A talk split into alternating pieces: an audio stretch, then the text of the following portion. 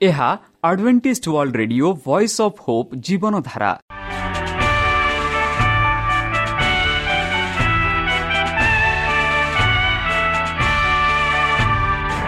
Odia radio କାର୍ଯ୍ୟକ୍ରମ ଯାହା ଆମର ଆନ୍ତର୍ଜାତୀୟ ଆଘାତ କେନ୍ଦ୍ରରୁ ପ୍ରସାରଣ କରାଯାଉଛି ପ୍ରତିଦିନ ରାତି ନଅଟା ତିରିଶ ମିନିଟ୍ରେ।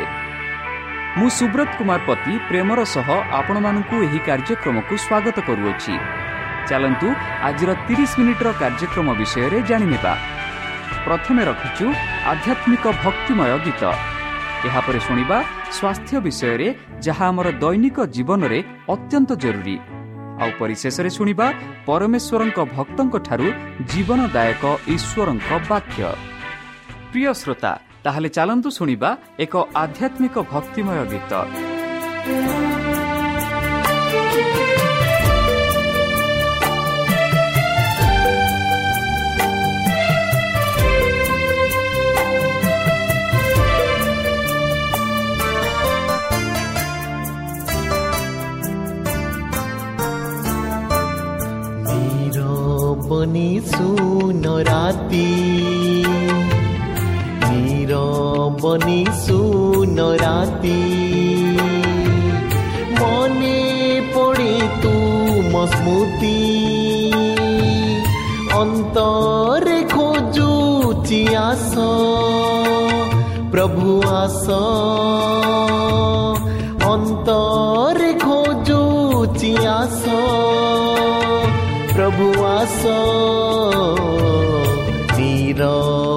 নীরবনি সুনরাতি মনে পড়ে তুম স্মৃতি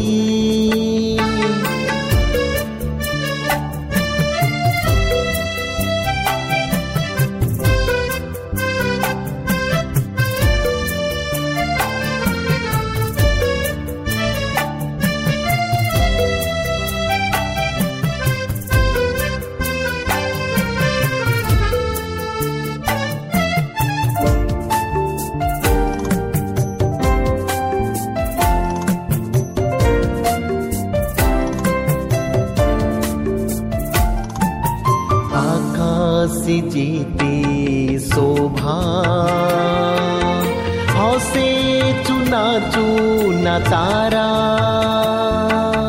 आकाश जीते शोभा। हौसे चुना चुना तारा।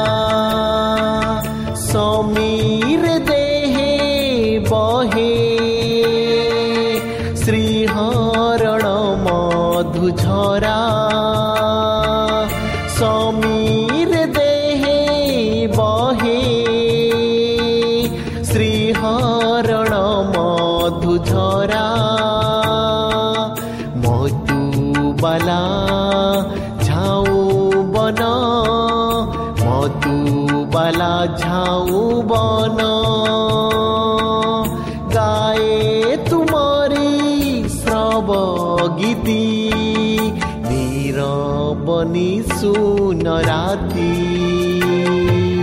মনে পড়ে তুম স্মৃতি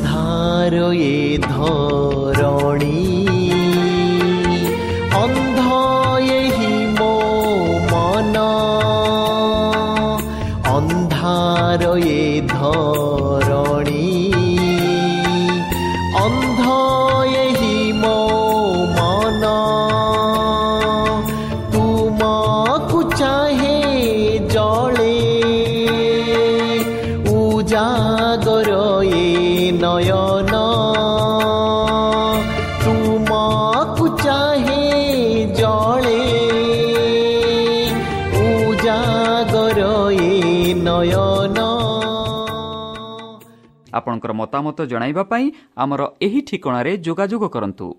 ଆମ ଠିକଣା Adventist media center SDA mission compound Salisbury park Pune ଚାରି ଏକ ଏକ ଶୂନ ତିନି ସାତ ମହାରାଷ୍ଟ୍ର। ବା ଖୋଲନ୍ତୁ ଆମର ୱେବସାଇଟ୍ ଯେକୌଣସି android phone smartphone desktop laptop କିମ୍ବା ଟ୍ୟାବ୍ଲେଟ୍ ଆମର website W W W dot A W R dot O R G slash O R I ଏବଂ W W W dot Adventist media center India dot O R G ବର୍ତ୍ତମାନ ଚାଲନ୍ତୁ ଶୁଣିବା ଈଶ୍ୱରଙ୍କ ଭକ୍ତଙ୍କଠାରୁ ଈଶ୍ୱରଙ୍କ ଜୀବନଦାୟକ ବାକ୍ୟ। ନୂତନ ଜୁରୁସାଲମ ଭାଗ ଦୁଇ। ନମସ୍କାର ପ୍ରିୟ ଶ୍ରୋତା ସେହି ସର୍ବଶକ୍ତି ସର୍ବଜ୍ଞାନୀ ପ୍ରେମର ସାଗର ଦୟାମୟ ଅନ୍ତର୍ଜମୀ ଅନୁଗ୍ରହ ପରମ ପିତାଙ୍କ ମଧୁର ନାମରେ ମୁଁ ପାଷ୍ଟ ପୂର୍ଣ୍ଣଚନ୍ଦ୍ର ଆଉ ଥରେ ଆପଣମାନଙ୍କୁ ଏହି କାର୍ଯ୍ୟକ୍ରମରେ ସ୍ୱାଗତ କରୁଅଛି। ସେହି ସର୍ବଶକ୍ତି ପରମେଶ୍ୱର ଆପଣମାନଙ୍କୁ ଆଶୀର୍ବାଦ କରନ୍ତୁ। ଆପଣଙ୍କୁ ସମସ୍ତ ପ୍ରକାର ଦୁଃଖ କଷ୍ଟ ବାଧା କ୍ଲେଶ ଓ ରୋଗରୁ ଦୂରେଇ ରଖୁ।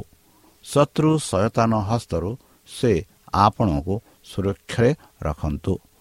ସେହି ପରମେଶ୍ୱର ଆପଣଙ୍କର ସମସ୍ତ ମନୋକାମନା ପୂର୍ଣ୍ଣ କରନ୍ତୁ। ତାହାଙ୍କ ପ୍ରେମ ତାହାଙ୍କ ସ୍ନେହ ତାହାଙ୍କ କୃପା ତାହାଙ୍କ ଅନୁଗ୍ରହ ସଦାସର୍ବଦା ଆପଣଙ୍କଠାରେ ସହବର୍ତ୍ତୀ ରହୁ। ପ୍ରିୟ ଶ୍ରୋତା ଚାଲନ୍ତୁ। ଆଜି ଆମ୍ଭେମାନେ କିଛି ସମୟ ପବିତ୍ର ଶାସ୍ତ୍ର ବାଇବଲ ଠାରୁ ତାହାଙ୍କ ଜୀବନଦାୟକ ବାକ୍ୟ ଧ୍ୟାନ କରିବା। ଆଜିର ଆଲୋଚନା ହେଉଛି ନୂତନ ଜେରୁସାଲାମ ଭାଗ ଦୁଇ। ବନ୍ଧୁ ଗତକାଲି ଆମେ ଆଲୋଚନା କରିଥିଲୁ ଏହାର ଭାଗ ଏକ। ଯେପରିକି ଆମେ ଆଲୋଚନା କରିଥିଲୁ ସେହି ନୂତନ ଜେରୁସାଲମ ଯେଉଁଥିରେ ଆମେ ସଦାସର୍ବଦା ବାସ କରିବାକୁ ଯାଉଅଛୁ। ଏହା ଯୀଶୁଖ୍ରୀଷ୍ଟଙ୍କ ପ୍ରତିଜ୍ଞା। ଯେଉଁ ସ୍ଥାନରେ କୌଣସି ପ୍ରକାର ଦୁଃଖ କଷ୍ଟ ବାଧା କ୍ଲେଶ ରୋଗ କିଛି ବି ରହିବ ନାହିଁ କ୍ଲେଶ ବି ରହିବ ନାହିଁ।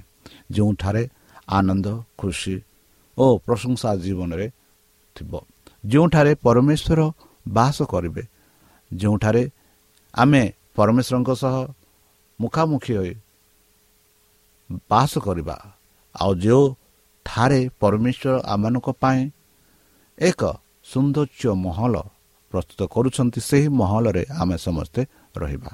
ଯେଉଁ ସ୍ଥାନରେ ଆମେ କେବେ ହେଲେ ତୃଷା ହେବା ନାହିଁ କି ଭୂକିତ ହେବ ନାହିଁ। ଯେଉଁ ସ୍ଥାନରେ କେବେ ହେଲେ ରୋଗ ହେବନି କେବେ ହେଲେ ମୃତ୍ୟୁ ହେବ ନାହିଁ। ସଦାସର୍ବଦା ଆନନ୍ଦରେ ଖୁସିରେ ରହିବା।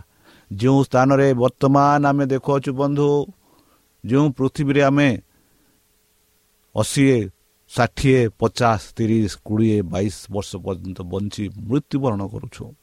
ମାତ୍ର ସେହି ସ୍ଥାନରେ ମୃତ୍ୟୁର ପ୍ରଶ୍ନ ନଥିବ। ସମସ୍ତେ ଖୁସିରେ ରହିବେ। ସମସ୍ତେ ଆଉ ବଢ଼ିବାର ନୁହଁ ସମସ୍ତେ ଯେଉଁ ଦୃଶ୍ୟରେ ଥିଲେ ଯେଉଁ ଆକାରରେ ଥିଲେ ସେମାନେ ସମସ୍ତେ ସେହି ଆକାରରେ ଥିବେ। ଏହା ଏକ ପ୍ରଭୁଙ୍କର ଆଶୀର୍ବାଦ। ବନ୍ଧୁ ସେହି ସ୍ୱର୍ଗ ବିଷୟରେ ଆମେ କଥାବାର୍ତ୍ତା ହେଉଥିଲୁ ସେହି ନୂତନ ଜେରୁସାଲାମ ବିଷୟରେ କଥାବାର୍ତ୍ତା ହେଉଥିଲୁ। ଯେପରି କାଲି ଆମେ ଆଲୋଚନା କରୁଥିଲୁ କି ତାହାର ପ୍ରାଚୀର ସୂର୍ଯ୍ୟ କାନ୍ଥ ମଣି ନିର୍ମିତ ବନ୍ଧୁ। ଆମର ପ୍ରାଚୀର ଗୁଡ଼ାକ ବେଲେ ବେଲେ ଇଟା ସହ କରିଥାଉ ବେଲେ ବେଲେ ମାଟି ସହ କରିଥାଉ ବେଲେ ବେଲେ କିଛି ବି ନଥାଏ ପ୍ରାଚୀର ନଥାଏ। ବେଲେ ବେଲେ କୌଣସି ପ୍ରକାର ବୁଦା ସହ ଆମେ ପ୍ରାଚୀର କରି ପ୍ରାଚୀର କରିଥାଉ ବା କୌଣସି କାଠ ଦ୍ୱାରା ପ୍ରାଚୀର କରିଥାଉ। ଆଉ ବେଲେ ବେଲେ କିଛି ନଥାଏ। ମାତ୍ର ଏଠି ଆମେ ଦେଖୁଛୁ ସେହି ନଗର ପ୍ରାଚୀର କ'ଣ? ଏକ ସୂର୍ଯ୍ୟକାନ୍ତ ମଣି ନିର୍ମିତ ସୂର୍ଯ୍ୟକାନ୍ତ ମଣି ସହ ସେହି ପ୍ରାଚୀର ଗୁଡ଼ାକ ନିର୍ମିତ ତା ବାଦେ ଆମେ ଦେଖୁଅଛୁ କାଲି ଦେଖିଲୁ କି ସେଇ ନଗର ଯେଉଁ ନଗରଟି ଆମେ କଥାବାର୍ତ୍ତା କରୁଛୁ ସେଇ ନୂଆ ଜେରୁସାଲମ ସେଇ ନୂଆ ଜେରୁସାଲମର ନଗର ଏତେ ନିର୍ମଳ ଆଉ ଏତେ ନିର୍ମଳ ଯେ କାଚ ପରିଶୁଦ୍ଧ ସମ୍ପୂର୍ଣ୍ଣ ନିର୍ମତା ବନ୍ଧୁ ଆମେ ଯଦି ନଗରର ନିର୍ମଳ ବିଷୟରେ ଯଦି କଥାବାର୍ତ୍ତା ହେବା ଆମ ଭାରତ ଦେଶରେ ଏମିତି ନଗର ଗୁଡ଼ାକ ଅଛି ସେତେ ନିର୍ମଳ ନୁହେଁ। ଆଉ କେତେ ସହର ଗୁଡ଼ାକ ଅଛି ନିର୍ମଳ ଅଛି। ମାତ୍ର ଏଠି ଯେଉଁ ନଗର ବିଷୟରେ ଆମେ ଆଲୋଚନା କରୁଛେ ବନ୍ଧୁ ଯେଉଁ ନଗର ବିଷୟରେ ଆମେ ଚର୍ଚ୍ଚା କରୁଛେ ସେହି ନଗର ଏକ କାଚ ପରିଶୁଦ୍ଧ ସମ୍ପୂର୍ଣ୍ଣ ନିର୍ମତା ତା ପାଦେ ଆମେ ଦେଖୁଛୁ ସେହି ନଗରକୁ ପ୍ରବେଶ କରିବା ପାଇଁ ତା'ର ବାର ଦ୍ୱାର ଅଛି। ଆଉ ସେ ବାର ଦ୍ୱାର ବାର ମୁକ୍ତା ଦ୍ୱାରା ପ୍ରସ୍ତୁତି ହୋଇଅଛି ବା ନିର୍ମାଣ ହୋଇଅଛି। ଆଉ ଗୋଟିଏ ଗୋଟିଏ ଦ୍ୱାର ଗୋଟିଏ ଗୁଡ଼ିଏ ମୁକ୍ତ ଦ୍ୱାରା ହୋଇଅଛି। ବିଭିନ୍ନ ମୁକ୍ତ ନୁହେଁ ଗୋଟିଏ ଗୋଟିଏ ମୁକ୍ତ ଦ୍ୱାରା ପ୍ରସ୍ତୁତ ଅଛି ଆଉ ସେହି ନଗରର ପଥ ଯେଉଁ ପଥରେ ଆମେ ଯିବା ସେହି ନଗରର ପଥ ସ୍ୱଚ୍ଛ କାଛ ସଦୃଶ୍ୟ ଶୁଦ୍ଧ ସୁବର୍ଣ୍ଣ ନିର୍ମତା। ବନ୍ଧୁ କେଡ଼େ ସୁନ୍ଦର ଭାବରେ ଜହନ ସେହି ନଗର ବିଷୟରେ କହୁଅଛନ୍ତି। ବନ୍ଧୁ ପ୍ରକାଶିତ ଏକୋଇଶ ଉଣେଇଶ କୋଡ଼ିଏ ସେଠି ଆମେ ଦେଖୁଛୁ ନଗରୀର ପ୍ରାଚୀରର ଭିତ୍ତିମୂଳ ସମସ୍ତ ପ୍ରକାର ବହୁମୂଲ୍ୟ ମଣିରେ ଭୂଷିତ। ବନ୍ଧୁ ଯେବେ ଆମେ ଆମ ଘରକୁ ତୋଳୁ ବା ନିର୍ମାଣ କରୁ ତାହାର ମୂଳଦ୍ୱାରକୁ ଆମେ ଯେପରିକି ଶକ୍ତି ଯେପରିକି ମଜବୁତ ରହିବ ସେଥିପାଇଁ ଆମେ ଭଲ ପଥର ବା ଭଲ ସିମେଣ୍ଟ ଦେଇକରି କରିଥାଉ।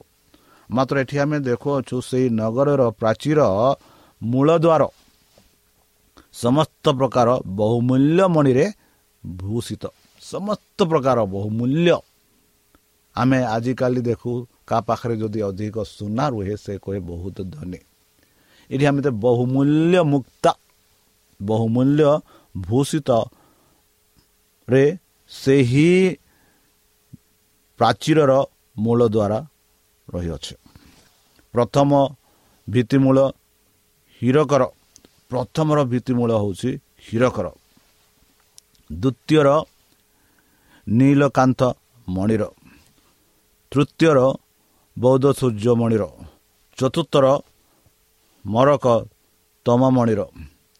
ପଞ୍ଚମ ପୁଲକ ମଣିର। ଷଷ୍ଠ ମାଣିକ୍ୟ ମଣିର ସପ୍ତମ ପୁଷ୍ପରା ମଣିର।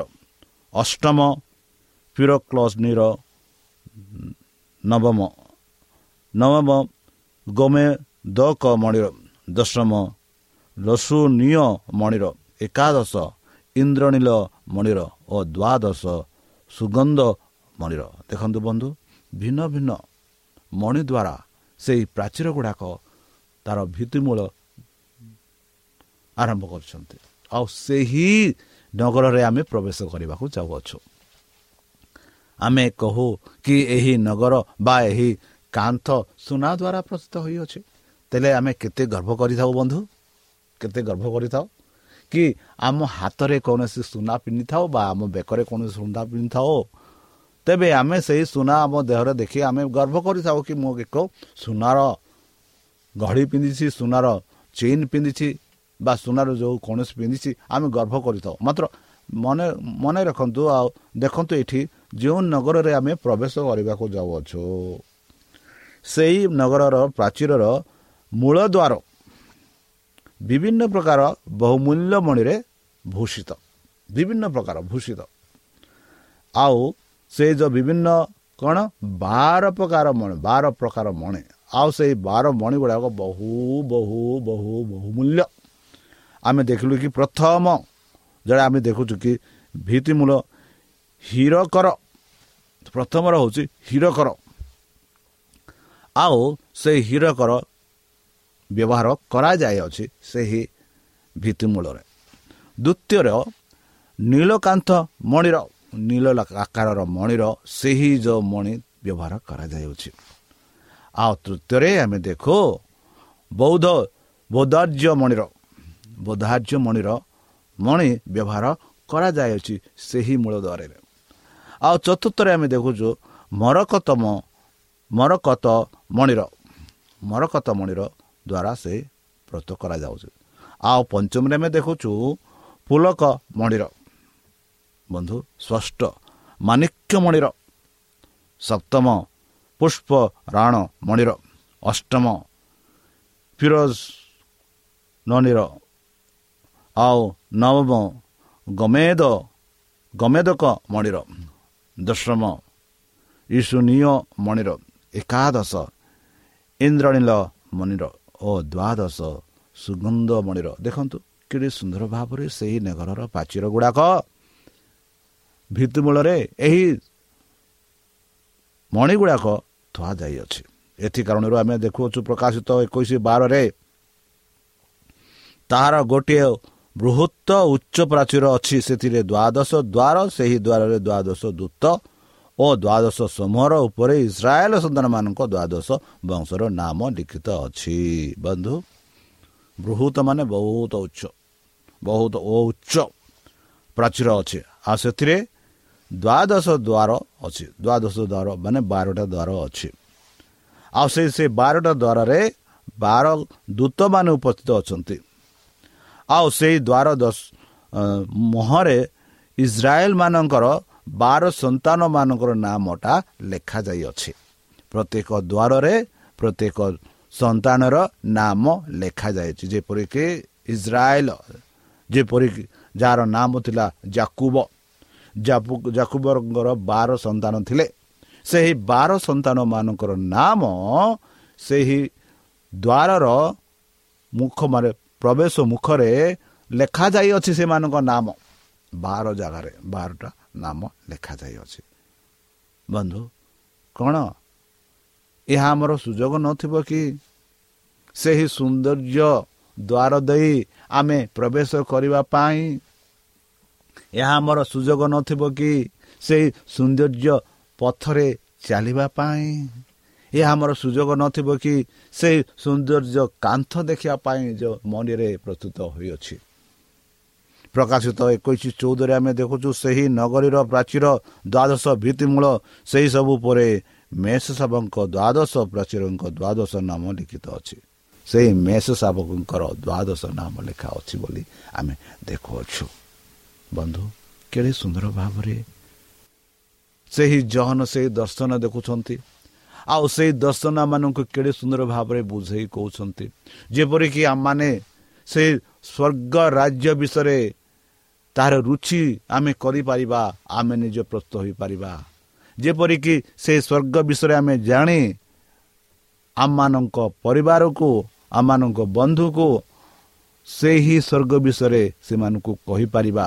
ଯେପରି ସେମାନେ ମଧ୍ୟ ସେହି ସ୍ୱର୍ଗ ରାଜ୍ୟ ଅନୁଭବ କରିବେ। ବନ୍ଧୁ ଆମମାନେ ସମସ୍ତେ ଏହି ପୃଥିବୀରେ ବାସ କରୁଛୁ ଏହା ଆମେ ଜାଣୁ।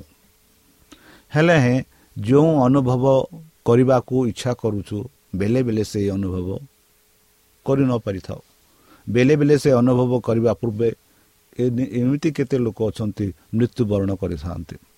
ମାତ୍ର ଏହା ଯାହା ପବିତ୍ର ଶାସ୍ତ୍ରମାନଙ୍କୁ କହୁଅଛି ଏହି ଅନୁଭବ ବିଷୟରେ ଯାହା ପବିତ୍ର ଶାସ୍ତ୍ରମାନଙ୍କୁ କହୁଛି ଯଦି ଆମେ ଯେ କେହି ସେ ମୂଳ ମୂର୍ତ୍ତିର ପ୍ରଭୁ ଯୀଶୁଖ୍ରୀଷ୍ଟ ତାଙ୍କଠାରେ ଯଦି ଆମେ ବିଶ୍ୱାସ କରିବା ନିଶ୍ଚିତ ରୂପେ ଏହି ଅନୁଭବ ଆମେ କରିପାରିବା। ଆମେ ନିଶ୍ଚିତ ରୂପେ ସେହି ସ୍ୱର୍ଗରାଜ ଦ୍ୱାର ଦେଇ ଆମେ ପ୍ରବେଶ ହୋଇପାରିବା ଯେଉଁ ଦ୍ୱାର ଏକ ମୁଣି ଦ୍ୱାରା ମୁକ୍ତି ଦ୍ୱାରା ନିର୍ମାଣ କରାଯାଉଛି ଆଉ ସେହା ହେଉଛି ଭିନ୍ନ ଭିନ୍ନ ମୁକ୍ତ ଦ୍ୱାରା। ବନ୍ଧୁ ଏହା ଈଶ୍ୱରଙ୍କ ଇଚ୍ଛା କି ଆମମାନେ ସେହି ନଗରରେ ପ୍ରବେଶ କରୁ। ଆଉ ଏଥି କାରଣରୁ ଆମେ କାଲି ଦେଖିଲୁ କି ପରମେଶ୍ୱର ଯୀଶୁଖ୍ରୀଷ୍ଟ ସ୍ୱର୍ଗରାଜକୁ ଯିବା ପାଇଁ ସେ କହିଲେ କି ମୋ ପିତାଙ୍କ ଗୃହରେ ଅନେକ ବାସସ୍ଥାନ ଅଛି। ଆଉ ସେହି ବାସସ୍ଥାନ ପ୍ରସ୍ତୁତ କରିବା ପାଇଁ ମୁଁ ସ୍ୱର୍ଗରାଜ ଯାଉଅଛି। ମୁଁ ଏହା କହୁଛି ମୋ ଠାରେ ବିଶ୍ୱାସ କର। ମୋ ପିତାଙ୍କଠାରେ ବିଶ୍ୱାସ କର ବୋଲି ଯୀଶୁଖ୍ରୀଷ୍ଟ ନିଜେ କହିଲେ। ଯଦି ଆମେ ତାଙ୍କଠାରେ ବିଶ୍ୱାସ କରିବା ଯଦି ପିତାଙ୍କଠାରେ ଆମେ ବିଶ୍ୱାସ କରିବା ଯେଉଁ ଯେଉଁ ବାକ୍ୟ ଯେଉଁ ଯେଉଁ ଦର୍ଶନ ଜହନ ଦେଖୁଛନ୍ତି ସେ ଦର୍ଶନ ଆମ ଜୀବନରେ ବାସ୍ତବିକରେ ଅନୁଭବ କରିପାରିବା।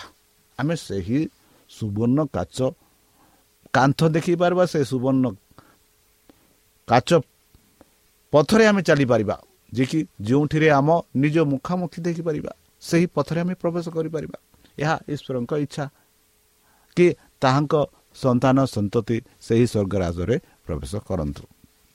ବନ୍ଧୁ ସେହି ନଗରୀର ପ୍ରାଚୀର ଦ୍ୱାଦଶ ଭିତ୍ତିମୂଳ ସେହି ସବୁ ଉପରେ ମେଷ ସାବଙ୍କ ଦ୍ୱାଦଶ ପ୍ରେରିତଙ୍କ ଦ୍ୱାଦଶ ନାମ ଲିଖିତ ଅଛି। ପ୍ରେରିତ ଦ୍ୱାର ଯୀଶୁଖ୍ରୀଷ୍ଟଙ୍କର ବାର ଦାସ ଥିଲେ ପ୍ରେରିତ ଥିଲେ। ସେମାନଙ୍କର ବାର ପୀଡ଼ିତଙ୍କ ନାମ ମଧ୍ୟ ସେହି ପ୍ରାଚୀର ଉପରେ ଲେଖାଯାଇଛି ବୋଲି ଆମେ ଦେଖୁଅଛୁ। ପ୍ରକାଶିତ ଏକୋଇଶ ତେଇଶ ଟୁ ପଚିଶ। ସେଠି ଆମେ ଦେଖୁଅଛୁ ଆଲୋକ ନିମନ୍ତେ ସେହି ନଗରୀର ସୂର୍ଯ୍ୟ କି ଚନ୍ଦ୍ରର ପ୍ରୟୋଜନ ନାହିଁ କାରଣ ଈଶ୍ୱର ଗୌରବ ତାହାଙ୍କୁ ଆଲୋକିତ କରେ ଓ ମେଷ ଶାବକ ସେଥିରୁ ପ୍ରଦୀପ ସ୍ୱରୂପ। ସେଥିର ଦ୍ୱାର ସମୂହ ଦିନ ବେଳେ କଦାପି ରୁଦ୍ଧ ହେବ ନାହିଁ କାରଣ ସେ ସ୍ଥାନରେ ରାତ୍ରି ହେବ ନାହିଁ। ବନ୍ଧୁ କେଡ଼େ ସୁନ୍ଦର ଭାବରେ କହୁଅଛି ଏଠି। ଆଉ ସେଇ ଯେଉଁ ସୌନ୍ଦର୍ଯ୍ୟ ଦର୍ଶନ ଯାହା ଜହନ ଦେଖୁଛନ୍ତି ଆଉ ସେ ଆମମାନଙ୍କୁ ବୁଝାଇ କହୁଛନ୍ତି। ବର୍ତ୍ତମାନ ଆମେ ସୂର୍ଯ୍ୟର କିରଣ ଚନ୍ଦ୍ରର ଆଲୋକ ଅନୁଭବ କରୁଛୁ। ଆଉ ଆମେ ରାତି ରାତ୍ରି ଦିବସ ଅନୁଭବ କରୁଛୁ। ମାତ୍ର ଏଠି ଯାହା ଆମେ ଦେଖୁଅଛୁ ଯେଉଁ ସ୍ଥାନରେ ଆମେ ପ୍ରବେଶ କରିବା ସେହି ସ୍ଥାନରେ ସୂର୍ଯ୍ୟ କି ଚନ୍ଦ୍ର ରହିବ ନାହିଁ। କାରଣ ଈଶ୍ୱରଙ୍କ ଗୌରବ ହିଁ ଯଥେଷ୍ଟ। ତାହା ହିଁ ଆଲୋକିତ କରୁଛେ ସାରା ନଗରକୁ। ଆଉ ଏଠି କୁହାଯାଉଛି ମେଷ ଶାବକ ସେଥିରେ ପ୍ରଦୀପ ସ୍ୱରୂପ। ମେଷ ଶାବକ ସେଥିରେ ପ୍ରଦୀପ ସ୍ୱରୂପ ବୋଲି ଆମେ ଏଠି ଦେଖୁଅଛୁ। ଯଦି ମେଷ ଶାବକ ଆଉ ଗୌରବମୟ ଯୀଶୁ ପ୍ରଭୁ ଅଛନ୍ତି ସେଠି ତାହେଲେ ସୂର୍ଯ୍ୟ ଚନ୍ଦ୍ରର ଆବଶ୍ୟକତା ନାହିଁ। ଏକ ଦୁଇ ଯେଉଁଠାରେ ସଦାପ୍ରଭୁ ପରମେଶ୍ୱର ଯାକି ଗୌରବମୟ ଯେଉଁଠାରେ ସେହି ପ୍ରଦୀପ ଯୀଶୁଖ୍ରୀଷ୍ଟ ଅଛନ୍ତି ସେଥିରେ ଅନ୍ଧାର ହେବାର ପ୍ରଶ୍ନ ନାହିଁ।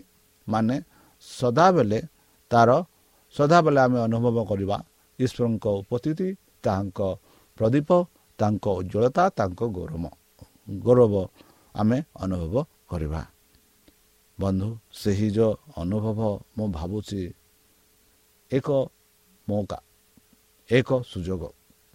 ଆଉ ସେଇ ସୁଯୋଗ ବା ସେ ମୌକା ଯଦି ଆମେ ନ ହରାଇବାକୁ ଚାହୁଁଛୁ ତାହେଲେ ଏଇ ଯେଉଁ ନଗରୀ ଯିଏ ପ୍ରସ୍ତୁତ କରିଛନ୍ତି ନିର୍ମାଣ କରିଛନ୍ତି ତାଙ୍କଠାରେ ଯଦି ଆମେ ବିଶ୍ୱାସ କରିବା ଏଇ ଯେଉଁ ପ୍ରଦୀପ ଯିଏକି ଆମମାନଙ୍କ ପାଇଁ ଏହି ପୃଥିବୀକୁ ଆସିଲେ ଆମମାନଙ୍କ ପାଇଁ ଜୀବନ ଦାନ ଦେଲେ ଆମମାନଙ୍କଠାରେ ବାସ କଲେ ଯଦି ଆମେ ତାଙ୍କଠାରେ ବିଶ୍ୱାସ କରିବା ନିଶ୍ଚିତ ରୂପେ ଏଇ ଯେଉଁ ଅନୁଭବ ଯାହା ଆମେ କଥାବାର୍ତ୍ତା ହେଉଛୁ ନିଶ୍ଚିତ ରୂପେ ଆମେ ଅନୁଭବ କରିପାରିବା। ତାର ବାଇଶ ପଚିଶରେ ଆମେ ଦେଖୁ ବନ୍ଧୁ ରାତ୍ରି ଆଉ ହେବ ନାହିଁ। ସେମାନଙ୍କ ପ୍ରଦୀପ କି ସୂର୍ଯ୍ୟର ଆଲୋକର ପ୍ରୟୋନ କେବେ ନାହିଁ କାରଣ ପ୍ରଭୁ ଈଶ୍ୱର ସେମାନଙ୍କ ଉପରେ ଆଲୋକ ସ୍ୱରୂପ ହେବେ। ପୁଣି ସେମାନେ ଯୁଗେ ଯୁଗେ ରାଜତ୍ୱ କରିବେ। ବନ୍ଧୁ ଯୁଗେ ଯୁଗେ ରାଜତ୍ୱ କରିବେ। ଆମେ କହୁ ପ୍ରଥମ ଯୁଗ ଦ୍ୱିତୀୟ ଯୁଗ ତୃତୀୟ ଯୁଗ ମାତ୍ର ଏଠି ଆମେ ପାଉଛୁ ସୁନ୍ଦର ଭାବରେ କି ଆମେ ଯୁଗେ ଯୁଗେ ମାନେ ମରଣ ଥିବ ନାହିଁ। ଆମେ ସଦାସର୍ବଦା ସେହି ସ୍ୱର୍ଗରେ ବାସ କରିବା। ଆଉ ସେ ସ୍ୱର୍ଗରେ ଆମେ ବାସ କରିବା ଯେଠୁ ଯେଉଁଠାରେ ଯୀଶୁ ପିତା ଆଉ ଦୂତମାନେ ବାସ କରନ୍ତି। ଯେପରି ଆଉ ଥରେ ମୁଁ ପଢ଼ୁଛି ପ୍ରକାଶିତ ବାଇଶ ପାଞ୍ଚରେ ରାତ୍ରି ଆଉ ହେବ ନାହିଁ। ସେମାନଙ୍କ ପ୍ରଦୀପ କି ସୂର୍ଯ୍ୟର ଆଲୋକର ପ୍ରୟୋଜନ ହେବ ନାହିଁ। କାରଣ ପ୍ରଭୁ ଈଶ୍ୱର ସେମାନଙ୍କ ଉପରେ ଆଲୋକ ସ୍ୱରୂପ ହେବେ। ଆଉ ସେମାନେ ଯୁଗେ ଯୁଗେ ରହିବେ ଆରାଜତ୍ୱ କରିବେ। ଆଦି ଆଠ ବାଇଶରେ ଆମେ ପାଉଛୁ ଯେପରି ପରମେଶ୍ୱର ଯେବେ ସୃଷ୍ଟି କରିଥିଲେ ସେତେବେଳେ ଏଇ ପୃଥିବୀକୁ ଚଲାଇବା ପାଇଁ ଚତୁର୍ଥ ଦିନରେ ପରମେଶ୍ୱର ଏହିପରି ସୃଷ୍ଟି କରିଥିଲେ। ପୁଣି ଯେପର୍ଯ୍ୟନ୍ତ ପୃଥିବୀ ଥିବ ସେ ପର୍ଯ୍ୟନ୍ତ ବୁଣାକାର ସମୟ ଶୀତ ଓ ଗ୍ରୀଷ୍ମ ପୁଣି ଗ୍ରୀଷ୍ମ ଓ ଶୀତଳ କାଳ ଆଉ ଦିବସ ରାତ୍ରି ଏହିସବୁ ନିବୃତ୍ତ ହେବ ନାହିଁ। ବନ୍ଧୁ ବର୍ତ୍ତମାନ ସକାଳ ସନ୍ଧ୍ୟା ରାତ୍ରି ଦିବସ ଆମେ ଅନୁଭବ କରୁଛୁ। ଆଉ ଆମେ ବି ଅନୁଭବ କରୁଛୁ ଶୀତ ଦିନ ଗ୍ରୀଷ୍ମ ଦିନ ଏପରି ଆମେ ଅନୁଭବ କରୁଛୁ ବୁଣା କରୁଛୁ। ଏହିସବୁ ପରମେଶ୍ୱରଙ୍କର ନିର୍ମିତ। ଆଉ ପରମେଶ୍ୱର ଚାହାନ୍ତି ଏହିସବୁ ହଉ ଆଉ ଯେବେ ପରମେଶ୍ୱର ଏହି ପୃଥିବୀକୁ ସୃଷ୍ଟି କଲେ ଏହିପରି ସେ କରିଥିଲେ। ଜିସାୟ ଚବିଶ ତେଇଶରେ ଆମେ ଦେଖୁଅଛୁ ସେତେବେଳେ ଚନ୍ଦ୍ର ଅପ୍ରସ୍ତୁତ ଓ ସୂର୍ଯ୍ୟ ଲଜ୍ଜିତ ହେବନ୍ତ। କାରଣ ସୈନ୍ୟାଧିପତି ସଦାପ୍ରଭୁ ସିୟନ ପର୍ବତରେ ଓ ଜେରୁସାଲମରେ ଓ ତାହାଙ୍କ ପ୍ରାଚୀନ ନଗର ସମ୍ମୁଖରେ ମହାପ୍ରତାପରେ ରାଜତ୍ୱ କରିବେ। ଜିସାଇ ତିରିଶ ଛବିଶରେ ଆମେ ଦେଖୁଛୁ ଆହୁରି ଯେଉଁ ଦିନ ସଦାପ୍ରଭୁ ଆପଣା ଲୋକମାନଙ୍କ ଆଘାତ ସ୍ଥାନ ବାନ୍ଧିବେ ଓ ପ୍ରହାରାଜ ସେମାନଙ୍କ କ୍ଷତଛୁକ୍ତ କରିବେ ସେ ଦିନରେ ଇନ୍ଦ୍ରମାନ ଦୀପ୍ତି ସୂର୍ଯ୍ୟର ଦୀପ୍ତି ତୁଲ୍ୟ ହେବେ। ଆଉ ସୂର୍ଯ୍ୟର ଦୀପ୍ତି ସାତ ଦିନର ଦୀପ୍ତି ତୁଲ୍ୟ ସପ୍ତଗୁଣ ହେବ। ପ୍ରକାଶିତ ଏକୋଇଶ ସତାଇଶରେ ଆମେ ପାଉଛୁ କୌଣସି ଅସୂଚି ବିଷୟ କିଏ ବା ଘୃଣ୍ୟ କର୍ମକାରୀ ଓ ମିଥ୍ୟାକାରୀ କେହି ସେଥିରେ କଦାପି ପ୍ରବେଶ କରିବ ନାହିଁ। କେବଳ ଯେଉଁମାନେ ଯେଉଁମାନଙ୍କ ନାମ ମେଷ ଶାବକଙ୍କ ଜୀବନ ପୁସ୍ତକରେ ଲିଖିତ ଅଛି ସେମାନେ ପ୍ରବେଶ କରିବେ। ବନ୍ଧୁ କେଡ଼େ ସୁନ୍ଦର ଭାବରେ ଶେଷରେ ଜହନ କହନ୍ତି ଏଇ ଯେଉଁ ନଗର ବିଷୟରେ ଆମେ ଚର୍ଚ୍ଚା କରିଲୁ ଆଲୋଚନା କରିଲୁ ସେଇ ନଗରରେ କିଏମାନେ ପ୍ରସ୍ତୁତ କରିବେ? ଖାଲି ଧାର୍ମିକ ଲୋକମାନେ ଯେଉଁମାନେ ଯୀଶୁଖ୍ରୀଷ୍ଟଙ୍କୁ ବିଶ୍ୱାସ କରୁଛନ୍ତି। ଆଉ ମିଥ୍ୟାଚାରୀ ଘୃଣ୍ୟ କର୍ମକାରୀ ଏମାନେ କେବେ ହେଲେ ପ୍ରବେଶ କରିବେ ନାହିଁ। ଯେହେତୁ ସେମାନଙ୍କ ନାମ ସେହି ଜୀବନ ପୁସ୍ତକରେ ନାହିଁ। ବନ୍ଧୁ କ'ଣ ଆପଣଙ୍କ ନାମ ସେହି ଜୀବନ ପୁସ୍ତକରେ ଥିବା ପାଇଁ ଦେଖୁଛନ୍ତି କି? ତାହେଲେ ସେ ଯୀଶୁଖ୍ରୀଷ୍ଟଙ୍କଠାରେ ବିଶ୍ୱାସ କର। ନିଶ୍ଚିତ ରୂପେ ମୁଁ ଆଶା କରୁଛି ଆପଣଙ୍କ ନାମ ମୋର ନାମ ସେହି ଜୀବନ ପୁସ୍ତକରେ ଲିଖିତ ହେବ। ତାହେଲେ ଚାଲନ୍ତୁ ଏହି ଆଶାରେ ନିଜକୁ ସମର୍ପଣ କରି ତାହାଙ୍କ ମଧୁର ନାମରେ ଆମେ ପ୍ରାର୍ଥନା ଉଚ୍ଛେଦ କରିବା। ହେ ଆମମାନଙ୍କ ସର୍ବଶକ୍ତି ସର୍ବଜ୍ଞାନୀ ପ୍ରେମର ସାଗର ଦୟାମୟ ଅନ୍ତର୍ଜମୀ ଅନୁଗ୍ରହ ପରମ ପିତା ଧନ୍ୟବାଦ ଅର୍ପଣ କରୁଛୁ ପ୍ରଭୁ। ବର୍ତ୍ତମାନ ଯେଉଁ ବାକ୍ୟ ତୁମ ସେହି ଭକ୍ତମାନଙ୍କୁ ଶୁଣାଇଲେ ସେହି ସୌନ୍ଦର୍ଯ୍ୟନଗର ବିଷୟରେ ତାହା ମନେ ରଖି ତାହା ବିଶ୍ୱାସ କରି ତାହା ପାଇବା ପାଇଁ ଏମାନଙ୍କୁ ଏକ ପବିତ୍ର ଆତ୍ମ ଦ୍ୱାରା ପରିଚାଳନା କର। ଆମ ପାପ ସବୁ ତୁମ ସେହି ବହୁମୂଲ୍ୟ ରକ୍ତରେ ପରିଷ୍କାର କରି ଧୋଇଦିଅ ଆଉ ପରିଶେଷ ଯେବେ ତୁମେ ତୁମ ସେହି ସହସ୍ରଦୂତଙ୍କ ସହ ଆସିବେ ସେତେବେଳେ ଆମମାନଙ୍କୁ ଏକ ବାସସ୍ଥାନ ଦେବ ବୋଲି ତ୍ରାଣକର୍ତ୍ତା ପ୍ରଭୁ ଯୀଶୁଙ୍କ ମଧୁରମୟ ନାମରେ ଏହି ଛୋଟ ଭିକ୍ଷା ମାଗୁଛୁ। ତୁମେ ଗ୍ରହଣ କର। ଆମେ ପ୍ରିୟ ଶ୍ରୋତା ଆମେ ଆଶା କରୁଛୁ ଯେ ଆମର କାର୍ଯ୍ୟକ୍ରମ ଆପଣମାନଙ୍କୁ ପସନ୍ଦ ଲାଗୁଥିବ। ଆପଣଙ୍କର ମତାମତ ଜଣାଇବା ପାଇଁ ଆମର ଏହି ଠିକଣାରେ ଯୋଗାଯୋଗ କରନ୍ତୁ।